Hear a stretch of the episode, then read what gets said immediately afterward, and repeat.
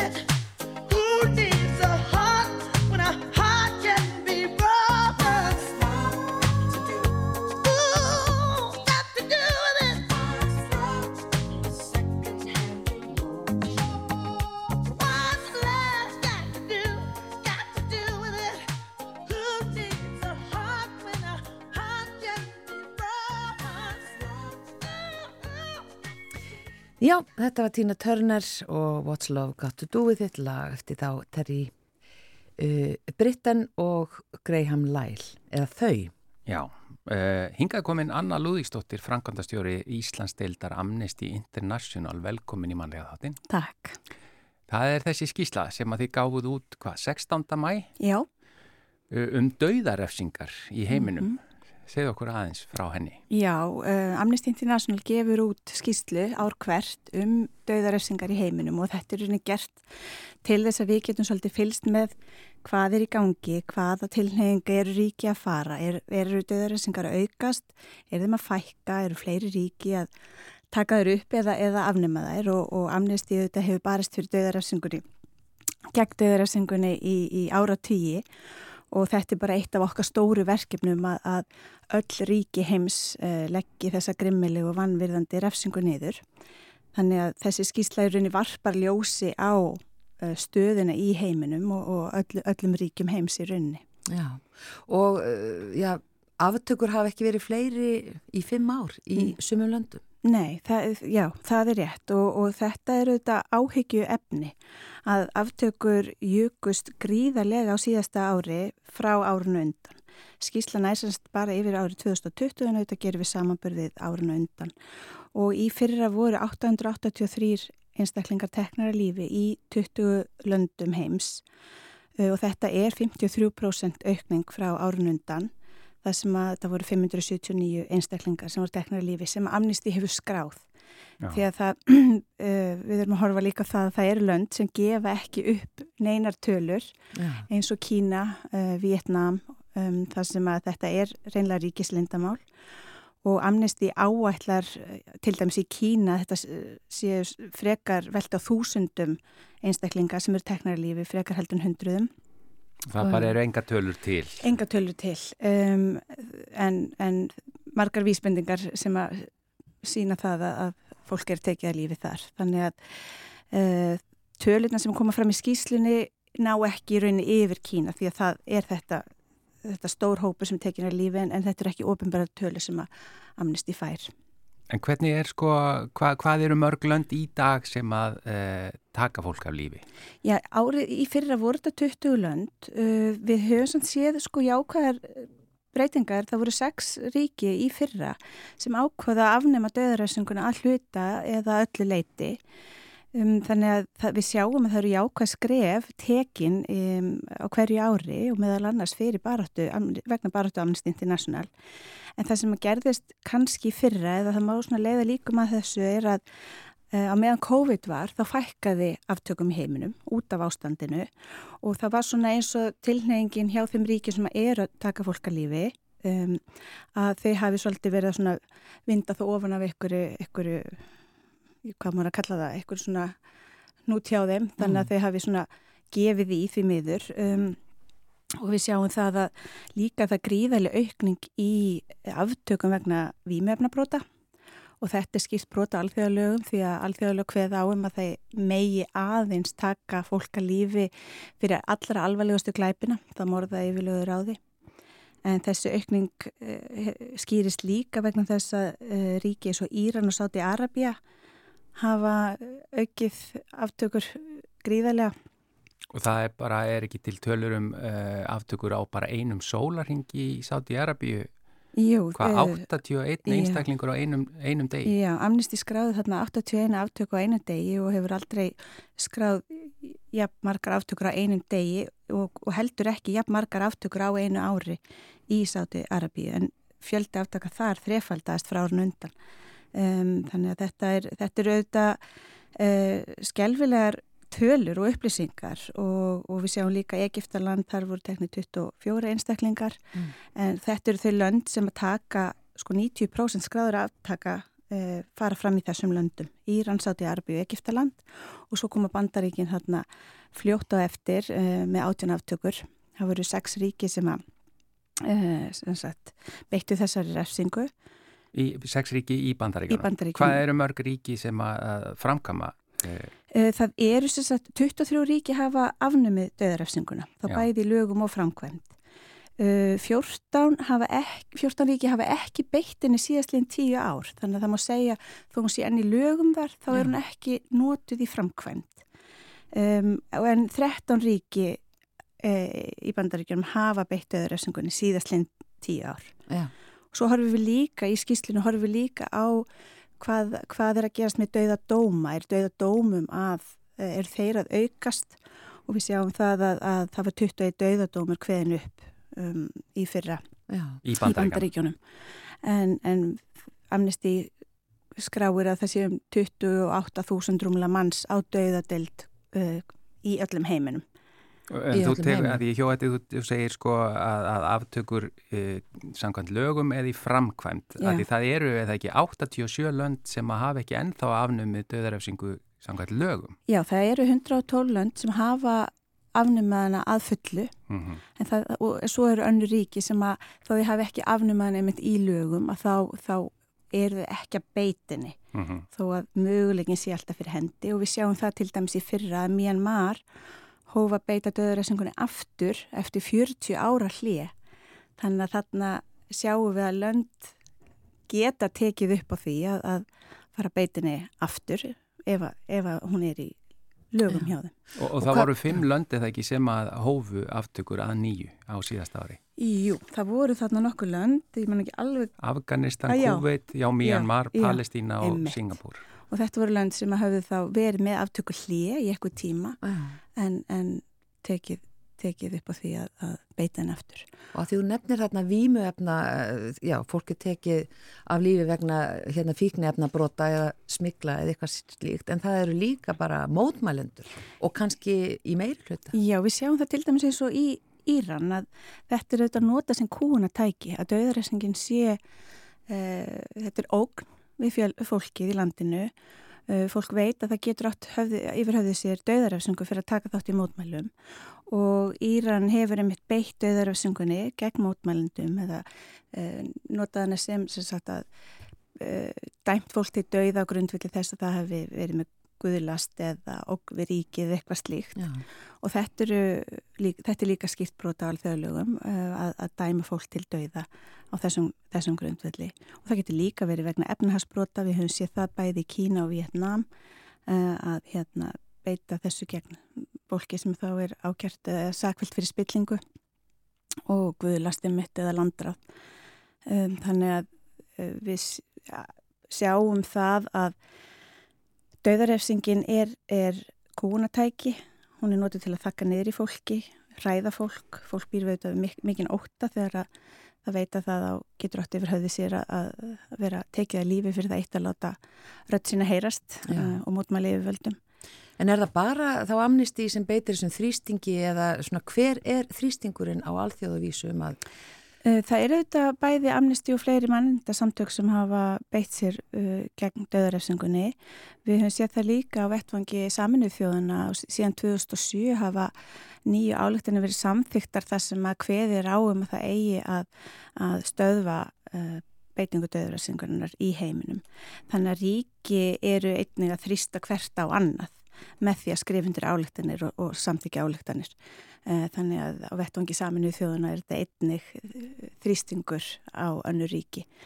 Um, þannig að við, við amnistíu þetta þrýsti síðan á bæði beint á ríkin uh, Mm. sem, sem stunda döðrafsinguna en líka einnig þetta erum við vitundavakningu til fólks því að því miður er ennþá stuðningur við döðrafsinguna í sumum lundum meðal almennings. Þannig að þetta er líka vitundavakning og og samtal við almenning um að vekja aðtil á því að þetta er skýrt brot á réttindi lífs sem eru auðvitað okkar grundvall, okkar, okkar grundvallar réttindi. Það, það er bara eitt land í Evrópu sem að beitir döðarefsingu ekki satt. Jú, við eh, Amnesty skráði eh, sagt, eina aftöku í einu Evrópuríki í fyrra og það var Hvítar Úsland Mm. uh, og svo er vitað um uh, einn aðeila á sagt uh, sem að situr á döða deild þar Já. líka. Þannig að En að halda utanum þessar upplýsingar og þessar tölulu upplýsingar, þetta er aðhald. Þetta er alveg greiðaleg vinna og enda kannski skýri það líka hvers vegna skýslan kemur út uh, í mæ en ekki strax í janúar því að Amnesty tekur þessa tölu saman og hvernig uh, málinn standa í lok árs. Uh, sagt, hvers ás. Þannig að þetta er gríðileg vinna og það þarf auðvitað að afla þessar upplýsingar frá ríkjum og, og hérna flest lönd gefa, gefa upp þessar upplýsingar. Hva, hvað hefur Amnesty eh, gert þetta í langan tíma? Hvað eru tölur til langt aftur í tíma? Mm, sko, Amnesty hefur þetta barist gegn döðaröfsingunni 40-50 ár. Mm. En ákvörða þessi döðaröfsinga skýsla, því Mm. miður þá þekki ég það ekki, það er bara að skoða það. Ég er bara að hugsa að því að fyrst að það er aukning á síðasta ári, hefur það gerst í bara í, í síðustu, að segja á síðustu árum á, áður eða er, er það, Eh, Nei, það hefur verið, sko, tilnefingin hefur verið að, að það er fækkun. já, En auðvitað það geta síðan alltaf komið einhverja sveiflur. Um, þannig að, og hvað sem eins og núna það aukningin við teljum að hún stafi mögulega þá af þessu COVID ástandi. Um, en, en við sjáum að, eh, hérna, að það, getur verið aðeins sveiflu kent. Um, en tilnefingin þó er að fleiri og fleiri ríki eru að láta þessari refsingu en hins vegar eins og ég benda á með Íran og Sáti Arabíu Já, að það er einstakar ríki sem eru að upp aftur, já, já. eða fjölga, fjölga, aftökum. já, akkurat. þetta er gríðarlega aukning, 53% aukning frá árunni 2021. Já. En þakkaði kærlega fyrir að koma í mannlega þáttin og við bara bendum fólki inn á amnesty.is, þar er þetta að skoða nánar eh, efni þessara skýslu en Anna Lúðísdóttir, Frankondastjóri Íslandsdeildar Amnesty International. Takk fyrir komin í mannlega þáttin. Takk hella.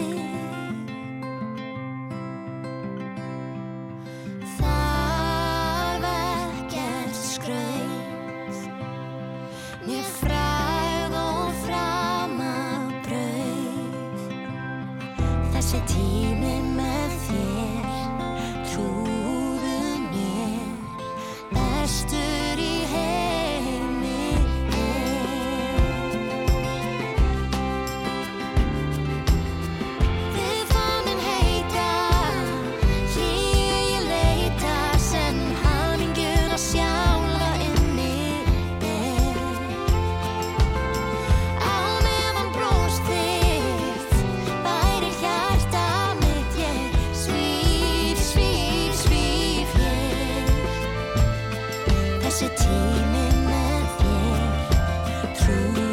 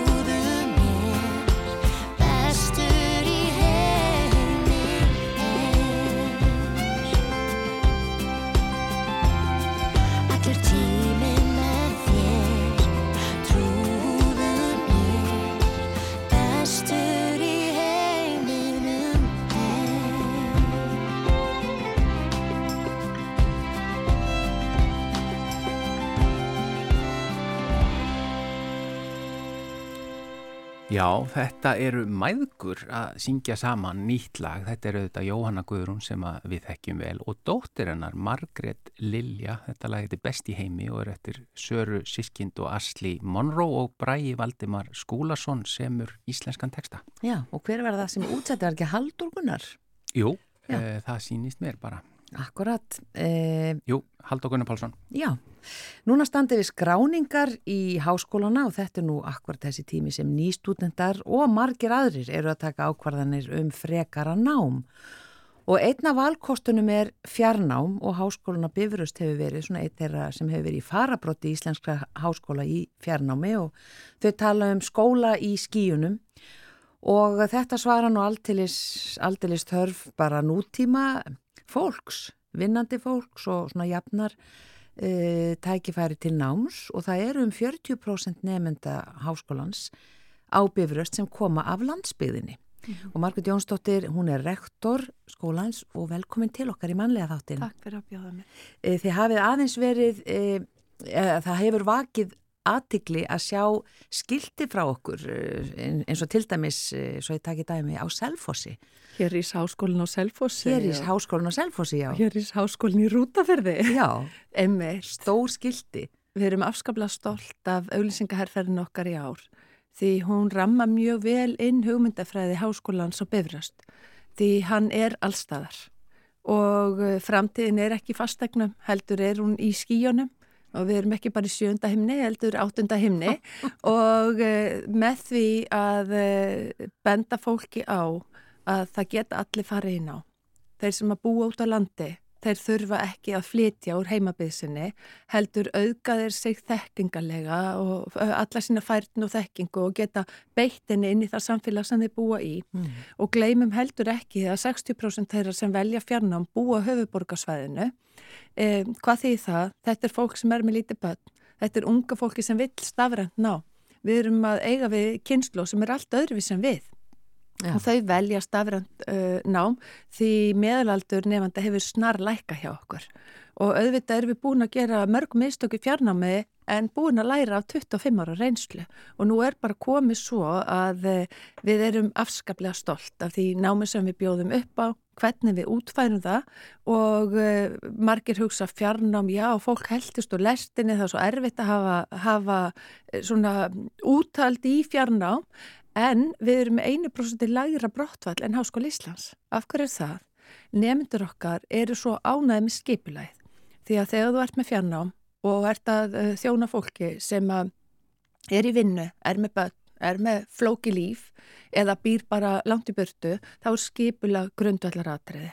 Fólk veit hvenar hvað gerist og, og sjöndu hverja viku þá koma nemyndur á bifröst á staðlótur og eru þar heila helgi þannig að við getum alveg kvita öll upp á það að COVID kent okkur við viljum líka hittast í persónu. Mm. Þar gerast kraftaverkin, kennararnir hitta nefndur í persónu, þau hitta saman og velja sér saman í vinnuhópa þannig að þó við séum í fjarnámi þá er sjöndu hver helgi eða þau koma tvís og sinnum á misseri á bifröst. Staðlótur er gott orð. Já, er það ekki? Já, það, er þegar þau koma. Já, einmitt. Mm. og, og nefnendur eru svo ána með þetta, þau eru líka ána með sveigjanleikan og til dæmis erum við með íslensku fyrir uh, alla þá útlendinga sem eru hér og þau geta lært íslensku þó þau séu í vaktafinu, þó þau búið um allt land þannig að þetta er hugsunin að fjarnám er jafnbrettismál. Já. Fjarnám eh, eh, gerir öllum kleift að læra sama hvað aldrei þeir eru, sama hvað þeir búa og það er mjög mikið afreiks íþróttafólki sem býr ellendis sem velur líka að vera í háskólinu á íslensku. Já. E, er svona eitthvað samstarf með sveitafjölugunum eða hvernig er það? Er þetta bara algjörlega upp á hvern og einn? Já, komið? þetta er bara algjörlega upp á hvern, hvern og eitt komið, sko, auglýsingin sem við settum á Selfoss og, og í Rútafjörðin var bara til að minna fólk á að háskólinn og bifröst þjónar, þetta er háskóli allra landsmanna, hann þjónar öllu landinu og það er svo gífilega mikilvægt ef þú býrða á syklufyrði eða bakkaferði að þú getur farið í háskóla. Það er engin hindrun til staðan og, og þetta hefur fólki uppgötað og unga fólki eru upptekið af kólefnisfótsporinu sínu, það nennir ekki verið umferð að teppa mótnana, það vil hafa sveianleikan í lífi sínu, þetta fólk er miklu sniðura í að leggja línutna fyrir lífi sem það vil lifa og þau velja þetta líka. Er, er þá sko að því þú, þú segir staðlótur, þá komið þau á staðinn en Já. í, í fjarnáminu sjálfu Já. geta þau stjórna svolítið tímanum hvenar þau fylgjast með kurs eða, eða fyrirlestri eða hvernig Algjörlega. Já. Það er vegna þess að fyrirlestinir eru ekki raun tíma. Mm. Í upphafi námskeis að setja kennarinnir upp uh, fund á Teams með nefndum og þá mæta þau á fundin og sjá andlitin og svona það, það mingar hræðslan og, og síðan eru fyrirlestarnir settir inn bara með reglulegu millibili en þau hlusta á þá þegar þeim hendar. Já, þeir eru bara teknir upp. Já, þegar búið er að svæfa börnin á kvöldin, þegar vinnudagi er lokið eða bara þau, þau er að sinna þessu yfir daginn og, og, og þannig að, að það er sveigileikin sem að þau leggja svo mikið upp úr. En það sem mér finnst eiginlega finnast og var að koma út og gæða konun hjá okkur og hefur komið áður að það sem að nefndur eru líka svo ánæði með er hversu persónlegu skólinn er. Og ég hef sagt, byrju, hvernig getur skólinn verið persónlegur og verið með fjarná en þau upplifa þessa tengingu. Og til dæmis þegar við sjáum að nefandi hefur ekki verið virkur inn í kerfinu hjá okkur fyrstu vikuna, þá fær hann ringingu frá námsokja. Já, Þannig að við fylgjum þeim eftir, við höldum utanum þau og styðjum þau. Mm, akkurat. Og svo er það líka bara svo mikilvægt fyrir ungt fólk sem er komið börn og, og vil fá mistargráðu. Þá geta þau ávalt eh, komið og fengið hana því að jafnluna vottun stýrir vinnustöðum og, og prógráðum skiptir málið þar. Og, og þannig er öllum kleift að fara í meistar. Mm. Hvernig var það í COVID? Breyti það einhverju svona í svona gerð eða umgjörð skólans og Mm. vinnu eða var þetta eiginlega engin breyting hjá ykkur? Takk fyrir að spyrja. Mhm. COVID var það besta sem fyrir háskólan byrju skatt komið. Vegna þess að við vorum háskólinn sem hjælt takti. Við þurftum ekki að setja neitt inn á neti, það var alltaf inn á netinu. Kennarnir okkar, þeir kunna vegna þess að það er list að kenni fjannami, það er ákveðin tækni og við erum með kennsluþjálfa sem að taka hvern einasta kennar og þjálfa hann inn og það er ekkert allir sem vilja kenni fjannam og eru góðir í því en okkar kennarar eru það. Þannig að þetta var óskaplega gott verið sjálfs ímynd skólans og nú eru gæðamálinn hjá okkur í afskaplega góðum málum. Við vorum í gæða úttækt í desember og fengum bara feimstjörnu úttækt. Við erum með fjármálinn líka í lagi þannig að, að það hefur sko allt unni með okkur undanfarin ár og líka það að unga fólkið og fólkið á vinnumarkaði það velur með fótón, það vil hafa nám þar sem það getur sinn þegar því hendar. Já. Já.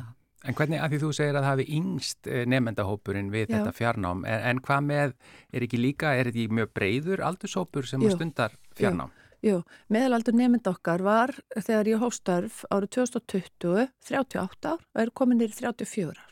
Já, þannig að hefur lækkað. Já, hann Já. hefur lækkað og þegar ég er, ég er útskrifað 60, ég er útskrifað 67 ára, ég er útskrifað 21 árs. Já, Það er svo hópur. skemmtilegt. Já. Og svona hlutfell kynjana?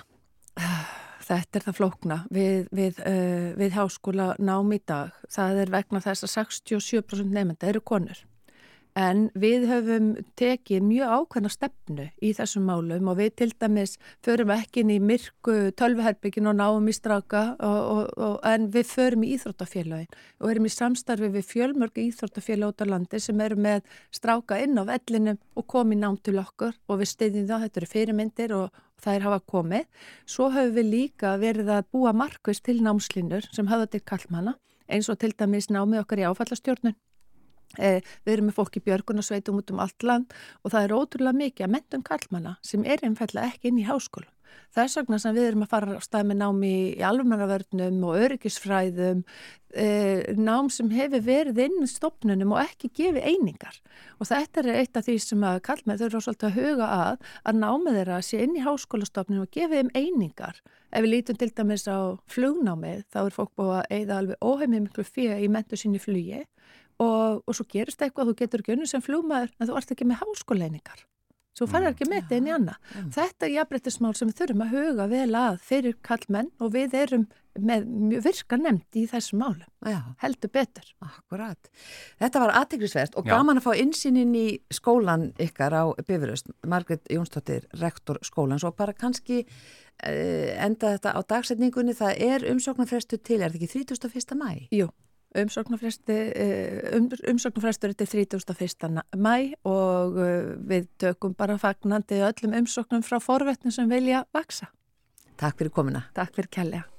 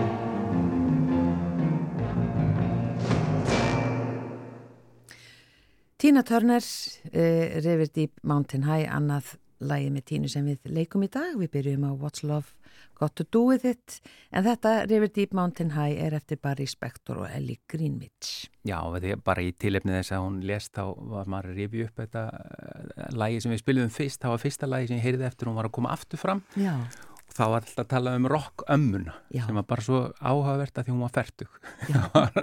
Hún var ekki eldri en það á þeim tíma. nákvæmlega. En hingað er komin Svala Ísfeld Ólastóttir, dósent við lagadeild Háskólans í Reykjavík, velkomin í mannlega þáttinn. Takk fyrir. Það er þessi ráðstefna sem er framundan um kynferðisbrot gegn drengjum. Eh, segð okkur aðeins frá henni. Já, við höfum blásið til ráðstefnu í næstu viku á fymtu daginn til þess að ræða sérstaklega kynferðisbrot gegn drengjum sem er þá í raun og veru fjallar um kynferðis ofbeldi gegn drengjum eða gegn börnum en kastljósinu er kannski sérstaklega beintað drengjum núna. Og það má kannski segja að, að, að þessa dagana og, og á þessum tímum núna þá sé þetta mikilvægt umfjöllunarefni því að uh, piltar, ungi piltar og, og, og, uh, hérna, og ungir kallmenn eru jafnvel að, að taka sitt eigi líf vegna óbærilegs ásauka sem að þeir eru að burðast með og eins eh, er, hefur aldrei verið meira um eh, andlát vegna ofstós skamts af, af eh, deyfandi efnum. Þannig að maður velti fyrir sér hvað valdi þessari miklu vannlíðan og þessu miklu, mikla sársauka sem hefur þessar jafnvel óafturtæku afleiðingar.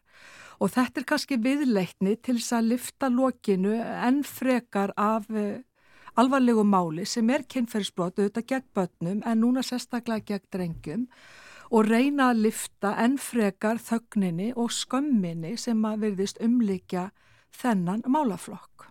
Já, það er eh, komað þarna margir fram sérfræðingar á þessari ráðstöfnu og þannig til dæmi spurningin eins og þú varst að segja af hverju segja drengir síður frá?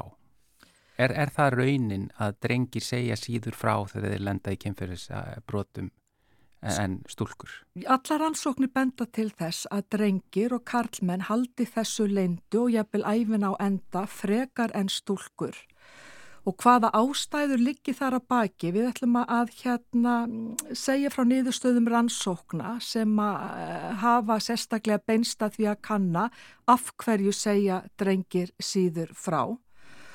Og það er til dæmis aðtiklisvert að um, þau mál sem að berast lögreglu og koma til rannsóknar hjá lögreglu sem varða kynferðisbrot gegn drengjum, þau koma oft á tíðum alls ekki sem kærur vegna kynferðisbrota heldur, koma þau upp í tengslum við rannsókn á einhverjum öðrum málum, til dæmis svíknefnabrotum eða einhverju allt öðru þá kemur í ljós kynferðisbrot gegn pilti, pilti eða dreng sem að verður síðan að sjálfstæðu rannsóknarefni jafnfram. Þannig að einhverja hluta vegna eru þau kærð, sjálfnar kærð sem slík.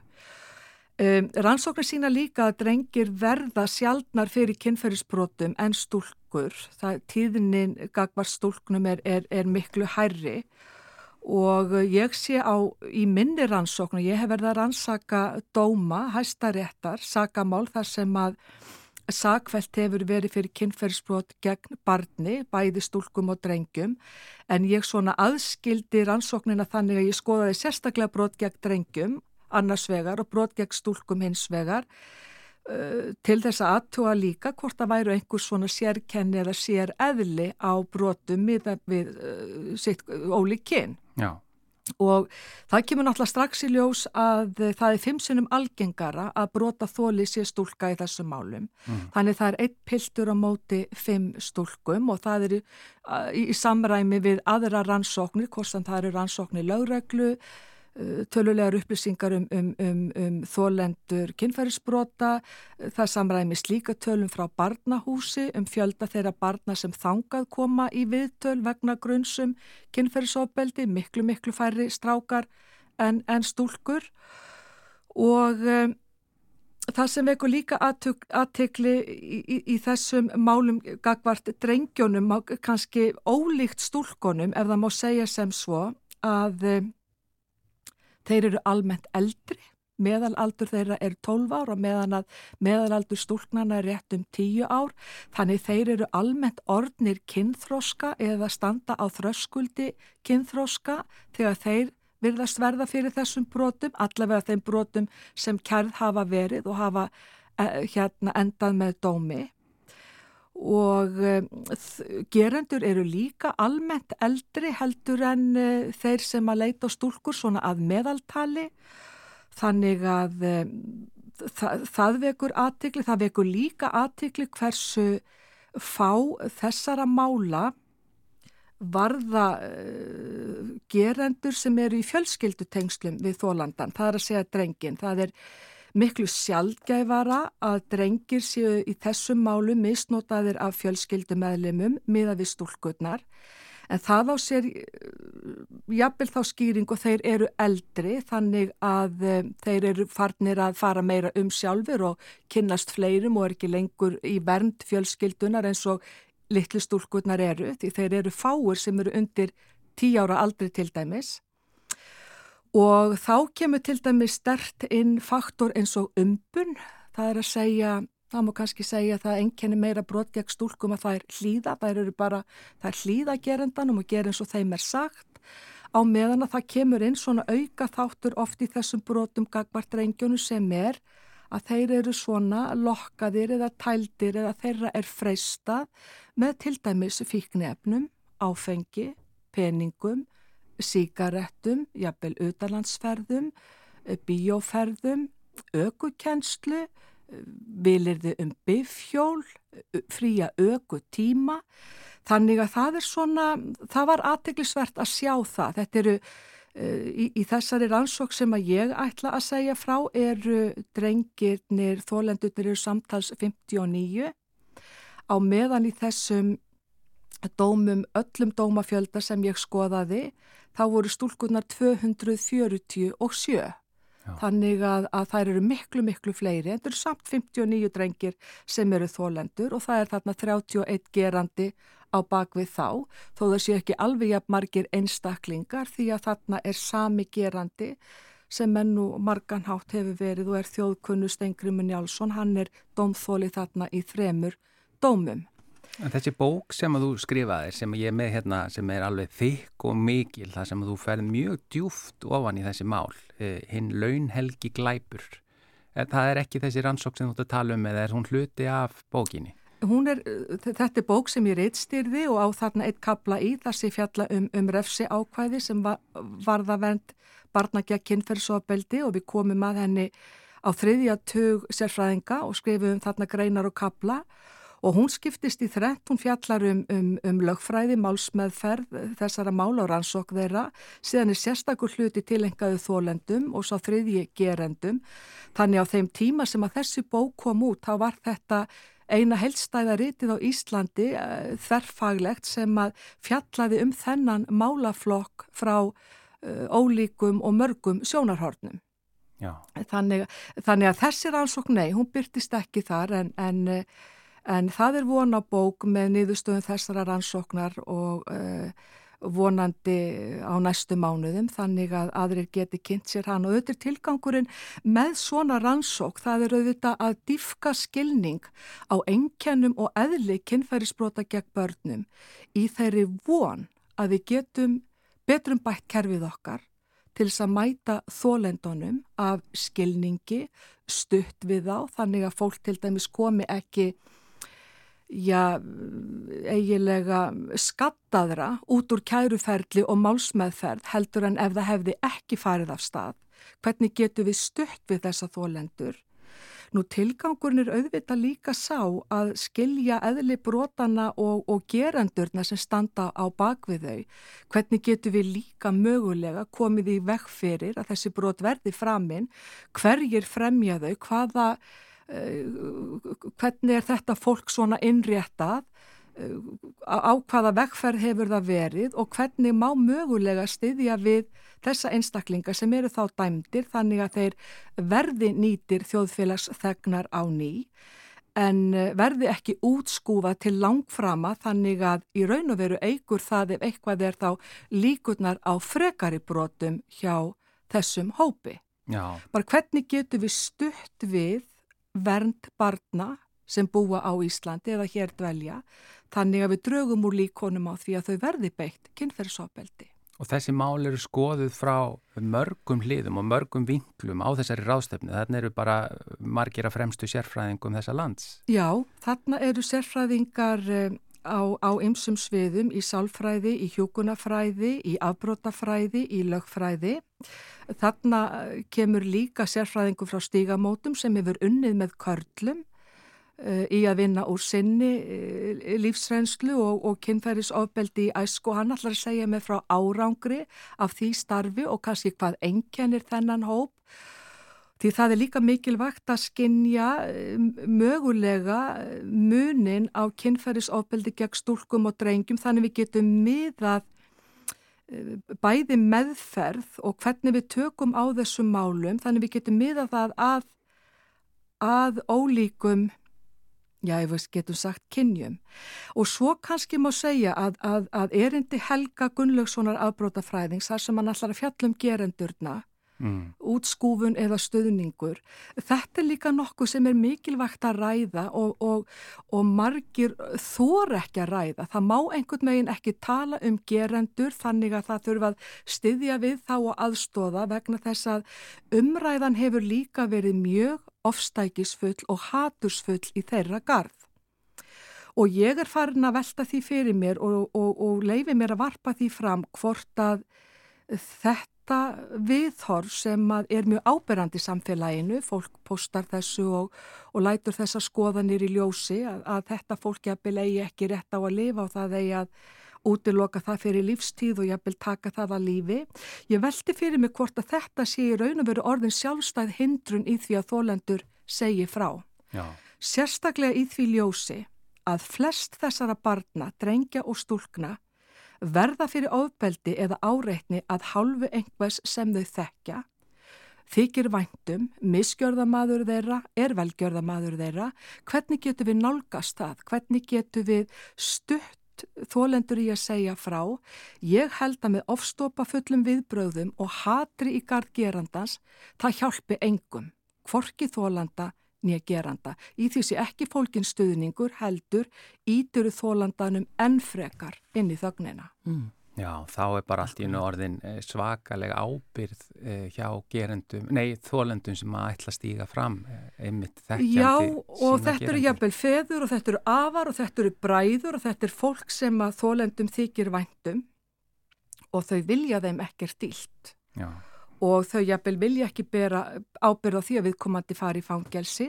Maður sér líka í þessum dómum að því nær sem þólend, gerendurnir eru þólendunum, þá er líka beitt svona manipúlasjón eða hótunum eins og uh, ekki vilt þú að við fari í fangelsi, ekki vilt þú að ljótu kallarni koma og taki afa.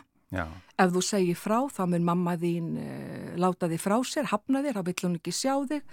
Ef þú segir frá með mamma þín verða veik og deyja.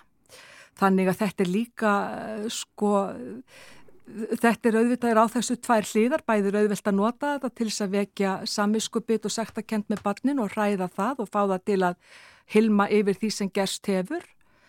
En svo er það líka þetta að oft á tíðum uh, er, eru þetta eins og ég segi, fólki næri um hverfi barnana og í fjölskyldum hverfi sem standa þeim nálagt og uh, þau vilja þessu fólki raunverulega ekkert dýlt eða þykir vænt um það. og líka í Og- dag á tímum sko samfélagsmiðla og, og fjölmiðla og annað að það er ekki það sama að koma fram og segja frá uh, svona broti á réttum stað. Það þarf ekki að koma ofinberlega fram með það að því það er, þá ertu komin allt í unni í allt annan vettvang. Algjörlega. En aðalmálið er að lifta af þessu þögninni og skömmunni í þeirri von að þeir einstaklingar sem að burðast með þessa sálar áverka. Þeir stýji fram, segi frá þessu og leiti sér hjálpar til að koma í veg fyrir að þetta skerði lífsgæði þeirra, setji stein í götu lífslaups þeirra, þannig að lífsgæði þeirra og, og lífsvegur verði markeraður af þessu, þannig að þetta fólk eigi meiri möguleika á að blómstra og njóta sín og verði ekki viðfangsefni helbriðiskerfisins það sem eftir er vegna sjúkdóma og sársöka sem að hérna er dragbítur á, á, á, í öllu þeirra lífi. Svala Ísveld Ólastóttir, dósent við lagadeild Háskólans í Reykjavík. Takk kærlega fyrir að koma í mannlega þáttinn. Þessi, þessi ráðstefna er sem sagt uh, í næstu viku, 1. júni, uh, klukkan nýju hefstun í Háskólanum í Reykjavík. Það er þetta skrá sig, ekki satt? Mikilvægt að skrá sig en hún er öllum að kostnaða lausu og allir eru velkomnir. Takk fyrir komin í mannlega þáttinn. Þar með bara þættinum lokið í dag. Já, við þökkum samfélgina. Verðum hér aftur á sama tíma morgun með förstudagsgest og matarspjall. Verðið sæl.